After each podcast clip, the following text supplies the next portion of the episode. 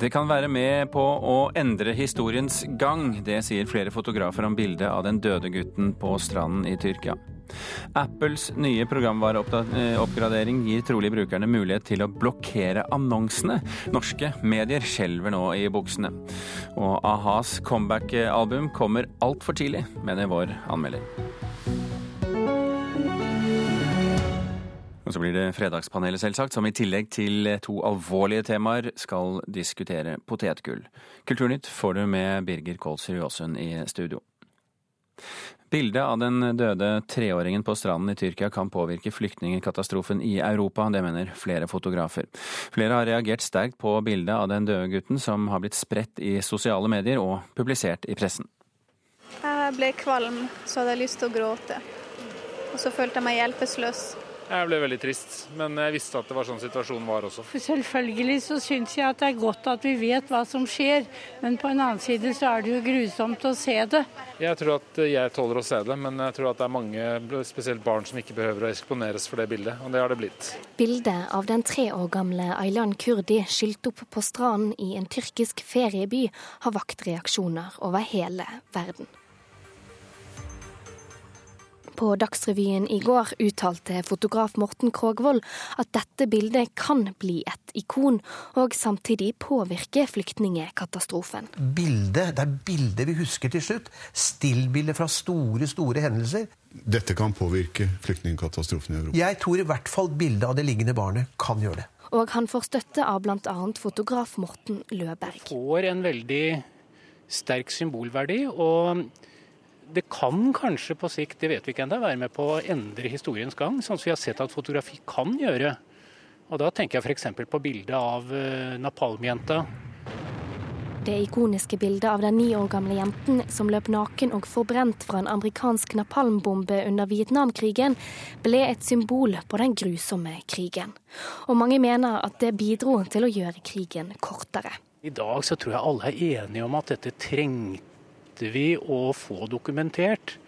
Og vi trengte faktisk å se det for at det skulle gå opp for oss hvor grusomt det egentlig var. Uten fotografi så ville vel ingen trodd på det.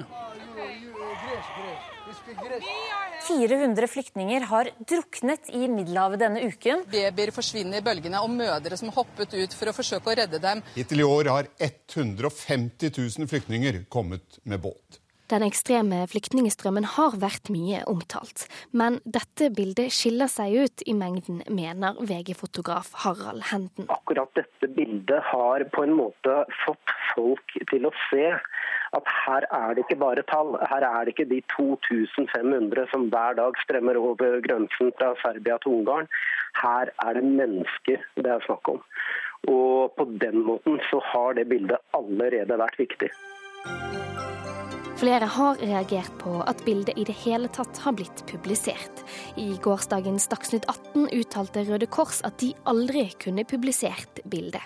Nei, dette strider mot alle de retningslinjene vi som organisasjon har. Fotografene mener på sin side at nettopp fordi det er sterk kost, er det viktig å publisere det. Så skal det ganske sterke bilder til for at vi faktisk skal reagere i dag. Det kan jo diskuteres hvor bra det er at det er blitt slik, men, men det er det nå en gang. Jeg syns dette bildet er veldig symbolsterkt, og det forteller på en lettfattelig måte om en gedigen humanitær katastrofe.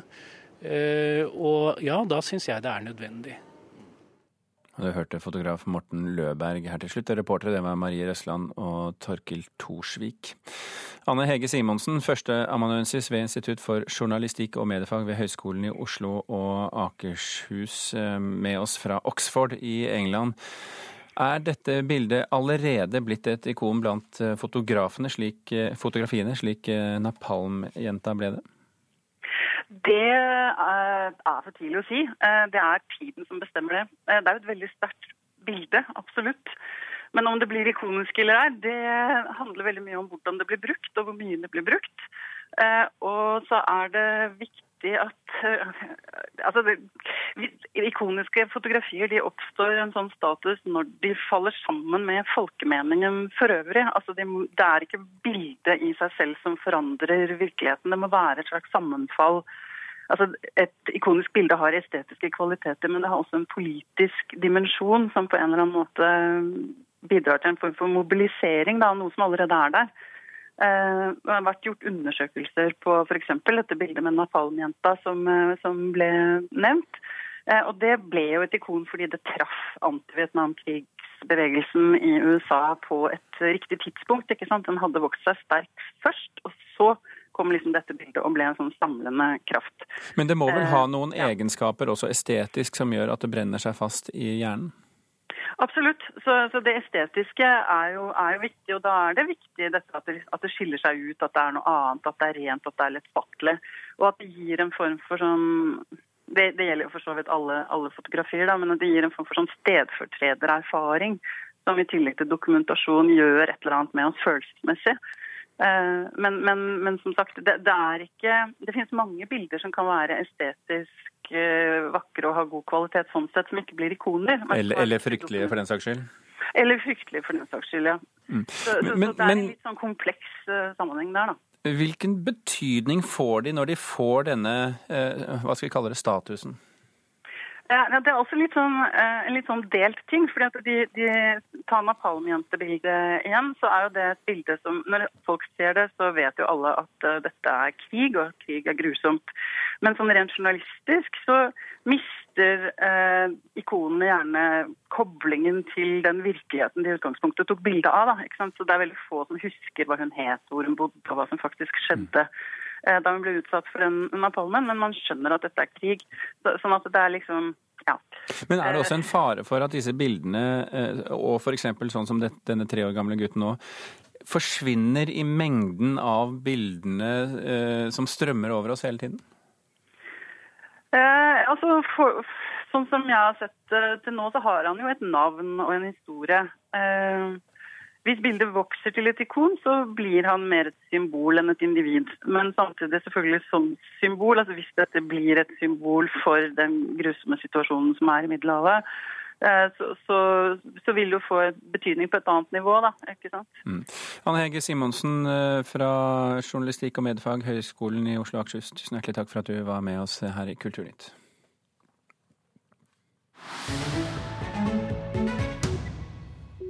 Vi skal over til noe helt annet, nemlig Apples nye oppgradering, som senere denne måneden kan komme til å gi brukerne muligheten til å blokkere annonser på mobiltelefon og nettbrett. Eh, det skriver eh, Klassekampen i dag. Dette er i så fall svært dårlig nytt for mediene og annonsørene, skriver de. Reporter Tone Staude, hvorfor gjør Apple dette? Ja, altså I amerikanske medier så snakkes det mye om at Apple ønsker å tvinge annonsørene over på sin egen nyhetstjeneste som kommer etter hvert, som heter Apple News. Og de første ryktene om denne annonseblokkeringen kom allerede i juni. Men eh, i midten av denne måneden så kommer oppgraderingen. Og eh, dette er et slag mot konkurrenten Google også, sier eh, administrerende direktør Bente Solli Storhaug i eh, reklamebyrået ESV Dynamo til avisen Klassekampen. Så det er titanene som går i kamp her, men dette får vel også konsekvenser for uh, i det globale sammenhengen små norske aviser og annonsører?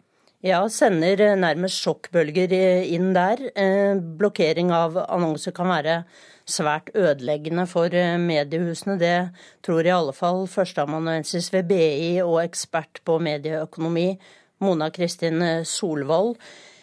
For avisene, mediehusene, er avhengig av annonseinntekter for å levere journalistikk til leserne. Og kommersiell direktør i VG, Christian eh, Haneborg, han sier at dette er helt kritisk. Liv eller død, faktisk. Mm. Eh, men har tro på at de finner en løsning. Tiden vil eh, vise. Tone Steide, takk for at du orienterte.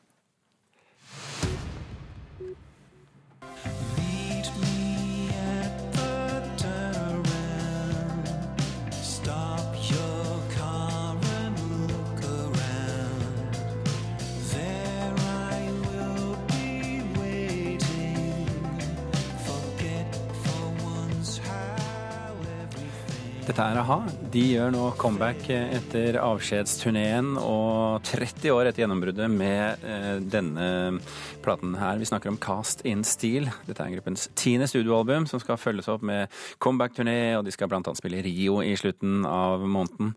Marius Asp, musikkanmelder her i NRK. Skal vi like gjerne gå til kjernen med en gang? Eh, er det en god idé med et comeback-album fire og et halvt år etter at de la opp for godt?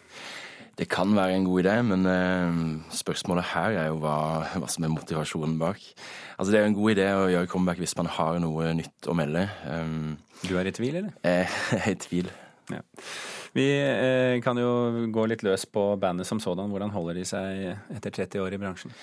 I utgangspunktet holder de seg godt. Eh, altså Jeg har begynt jo tidlig å lage sofistikert og litt voksen eh, popmusikk. Sånt finnes det jo ikke noe øvre aldersgrense for. Eh, og så er jo å ha et symbolsk viktig band i norsk musikkhistorie. Vi vil jo gjerne at de skal være bra. Mm. Så, så, de har jo definitivt en plass også 30 år etter at de starta. Hva er det du er skuffet over, da? Skuffelsen er vel kanskje hvor jevnt og midt på treet det låter. Altså Det er jo mange lekre detaljer gjennom disse tolv låtene. Og det er jo deilig. Man kan fortsatt fortape seg i Morten Harkets stemme. Eh, men det er få låter som stikker seg ut her, altså. Og den store poplåten mangler, og eh, du kan si de interessante krumspringene mangler også til en viss grad. Så Vi kan ta et litt eksempel på, på det du syns er litt dvaskt her først. Ja.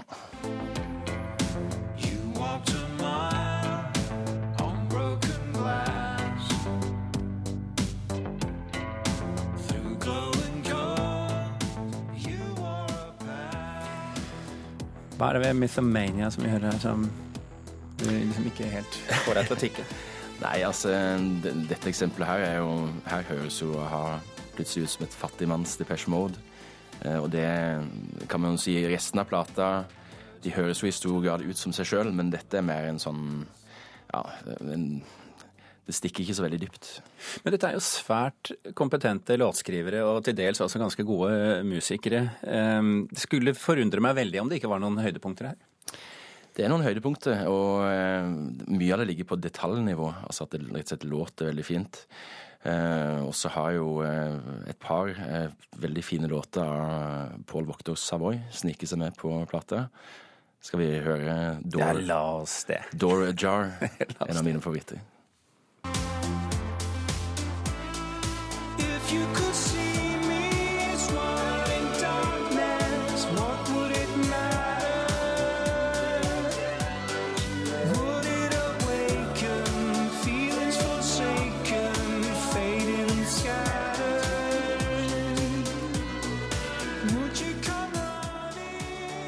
Er som du sier, det er, jo, det er, jo, lekkert. Det er jo ikke det. Det er jo produsert fint. Morten Harket synger bra. Det er eh, gode låter. Men likevel så konkluderer du i denne nettanmeldelsen din at eh, ja, Hva skriver du? Tilbake i tenkeboksen, aha?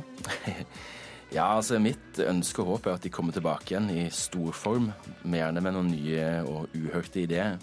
Det er klart konkurransen om å lage den smarteste og mest rørende popmusikken i Norge er hard for tida. Så Eh, om a-ha skal hevde seg den, så må de jobbe enda hardere neste gang. Skjerpe seg litt? Skjerpe seg. Ja, ja men det er fint. Marius Asp, eh, vi får nå vente og se. Det er i hvert fall mer musikk i eh, disse tre kroppene, så tiden vil vise. Vi får ta turneen i, i det kommende året først, og så tar vi det deretter. Takk for at du kom til Kulturnytt. Klokken er eh, snart 17 minutter over åtte. Du hører på Kulturnytt, og dette er toppsakene i Nyhetsmorgen nå.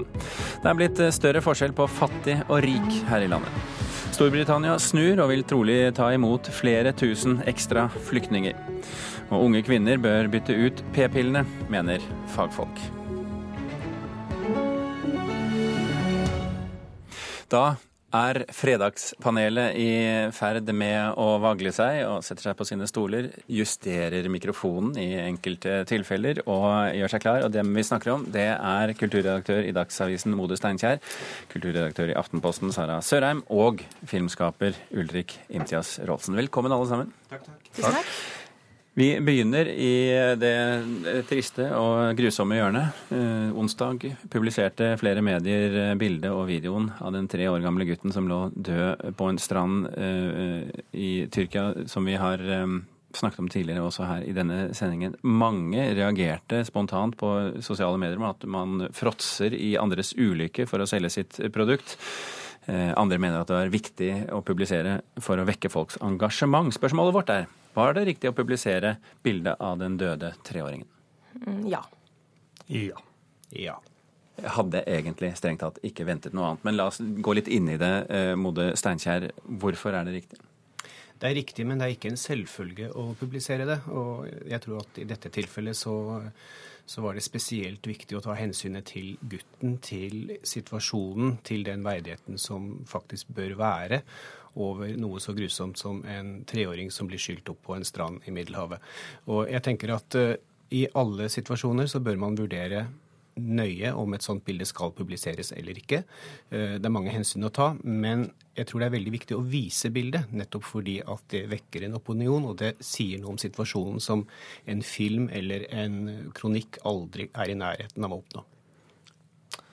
Nei, Jeg mener jo at mediene har uh, spilt en veldig viktig rolle i det å, å vekke folks engasjement og empati i, i denne saken. Eh, og du kan alltid kritisere en slags kynisme i det. Men uh, jeg opplever i hvert fall at dette er en, er en veldig veldig alvorlig krise som har pågått altfor lenge.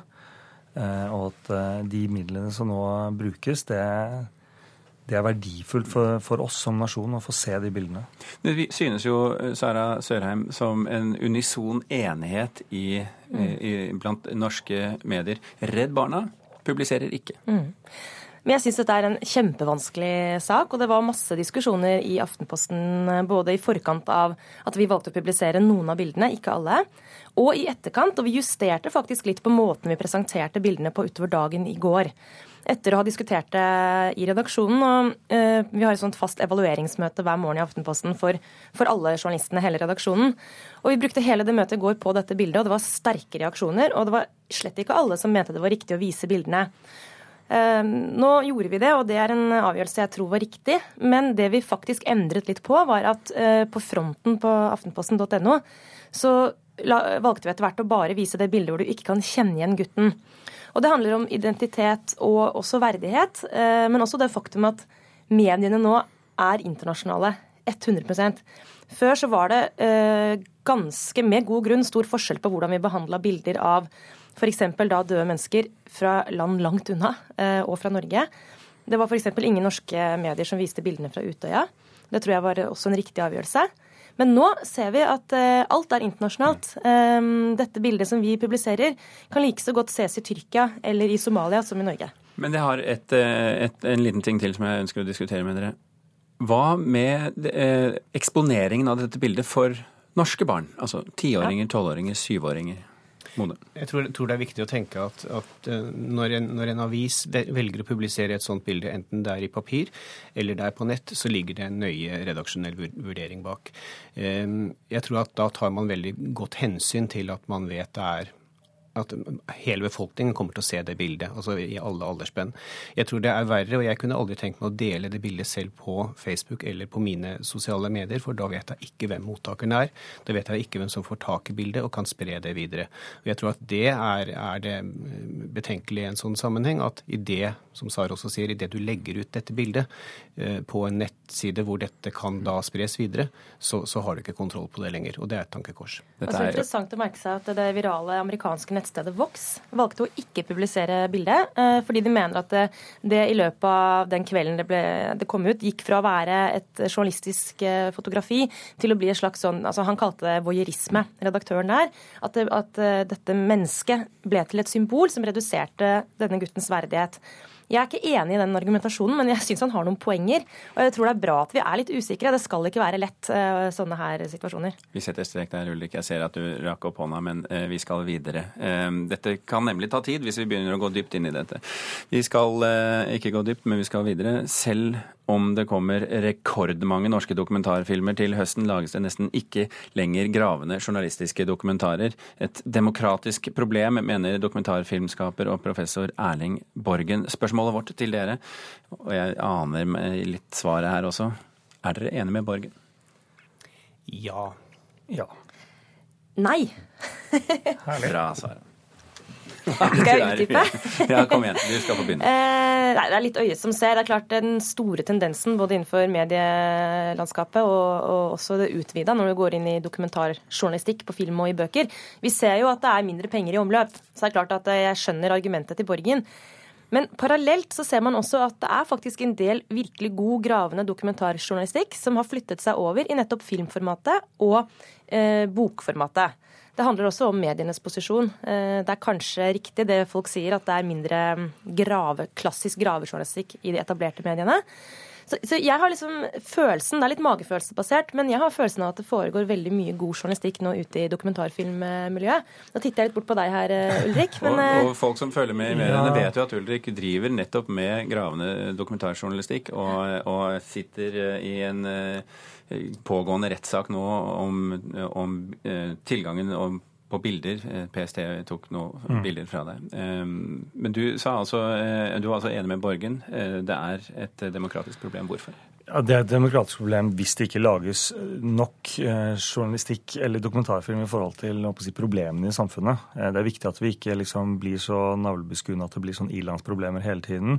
Jeg var på dokumentarfilmhøsten og tenkte faktisk den samme tanken, at her var det veldig mye meg og mitt? Ja, litt sånn introvert eh, og, og, og, litt sånn personlige problemer. Men nå mener jeg også at de dokumentarene kan være fryktelig gode og, og, og si noe om samfunnet på sin måte, litt mer indirekte måte. da. Så jeg, jeg er ikke enig i at de ikke er, er gravende. Men, men hvorfor er det et demokratisk problem? Jo, det er et demokratisk problem hvis man ikke tar tak i Norges rolle, f.eks. Vi har mange ting som skjer i Norge som man burde grave i. Jeg lurer liksom ennå på hva skjedde egentlig med de norske bombeflyene i Libya? Hvor mange drepte de egentlig? Det er mange ting som, som, Norge har gjort som jeg eh, lurer på, som jeg syns at noen burde ta tak i. Og det er klart at jeg kan jo ta tak i det sjøl, jeg holder på med det, men eh, flere, ja takk. Mode. Det er i hvert fall et problem, og så kan man diskutere hvor, hvor, alvorlig demokratisk problem det er. For det lages jo veldig mye god gravejournalistikk på andre flater. Det lages veldig mye god eh, dokumentarfilm også som berører i hvert fall grave, gravesjangeren. Eh, F.eks. 'Drone', som, som, da er en norskprodusert film som vi så her nå i år. Eh, men jeg tenker at eh, selv om du har alle mulige blogger, du har alle mulige filmskapere som nå kan ta et kamera selv og grave i det de har lyst til, så trenger du en sånn redaksjonell overbygning. Eh, og du trenger ikke minst visningssteder som har en redaksjonell, eh, redaksjonell overbygning også, for å, for å, vise god gravedokumentar. Og det mangler man fordi man mangler penger. Man ser at de tradisjonelle mediene i større og større grad ikke vil vise eller har råd til å vise.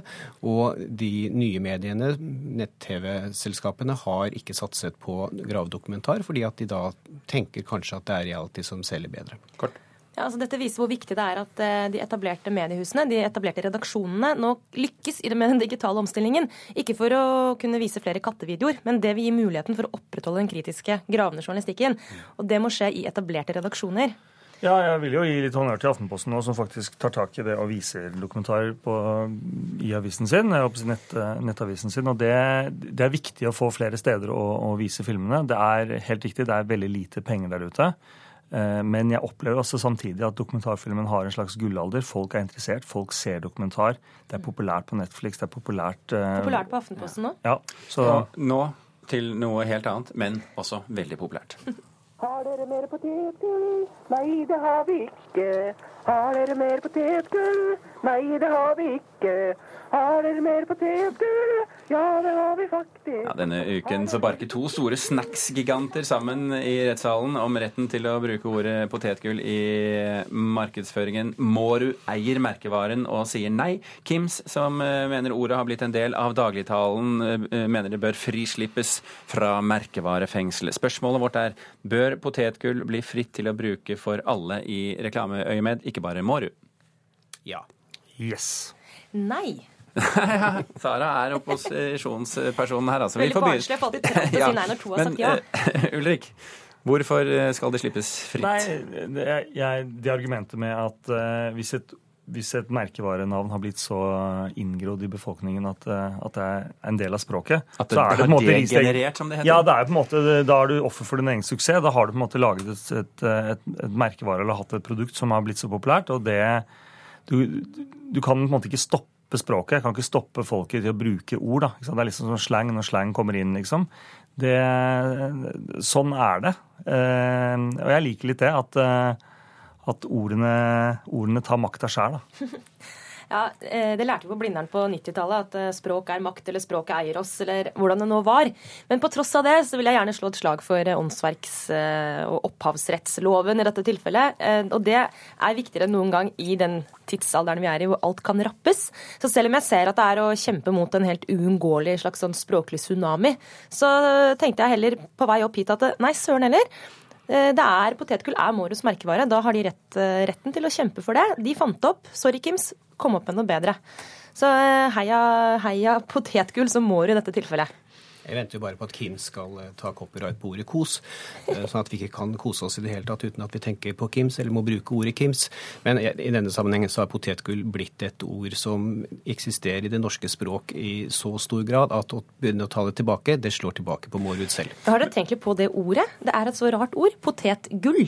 Det er helt fantastisk. Fint. Det er veldig fint ord. Ja, Hvorfor er det fint? Ja, det er nydelig. Det, har jo på en måte, det er et mye større ord enn produktet selv. da. Det har jo på en måte assosiasjoner som er, altså, som er som utrolig fine.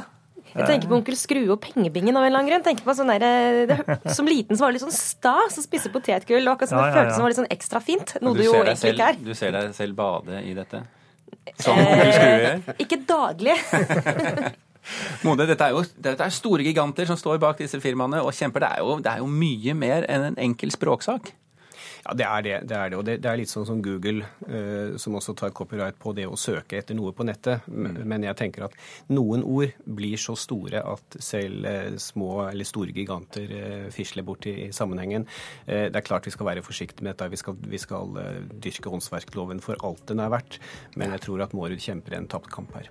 Vi får se hvordan det vikler seg ut. Mode Steinkjer, Ulrik Imtias Rolfsen og Sara Sørheim, tusen hjertelig takk for at dere utgjorde dagens eh, fredagspanel, som eh, ved sin slutt også er Kulturnytts eh, slutt. Guri Hertzberg, Finnsveen, Vidar Sem, Birgit Kolsrud Jåsund takker for følget.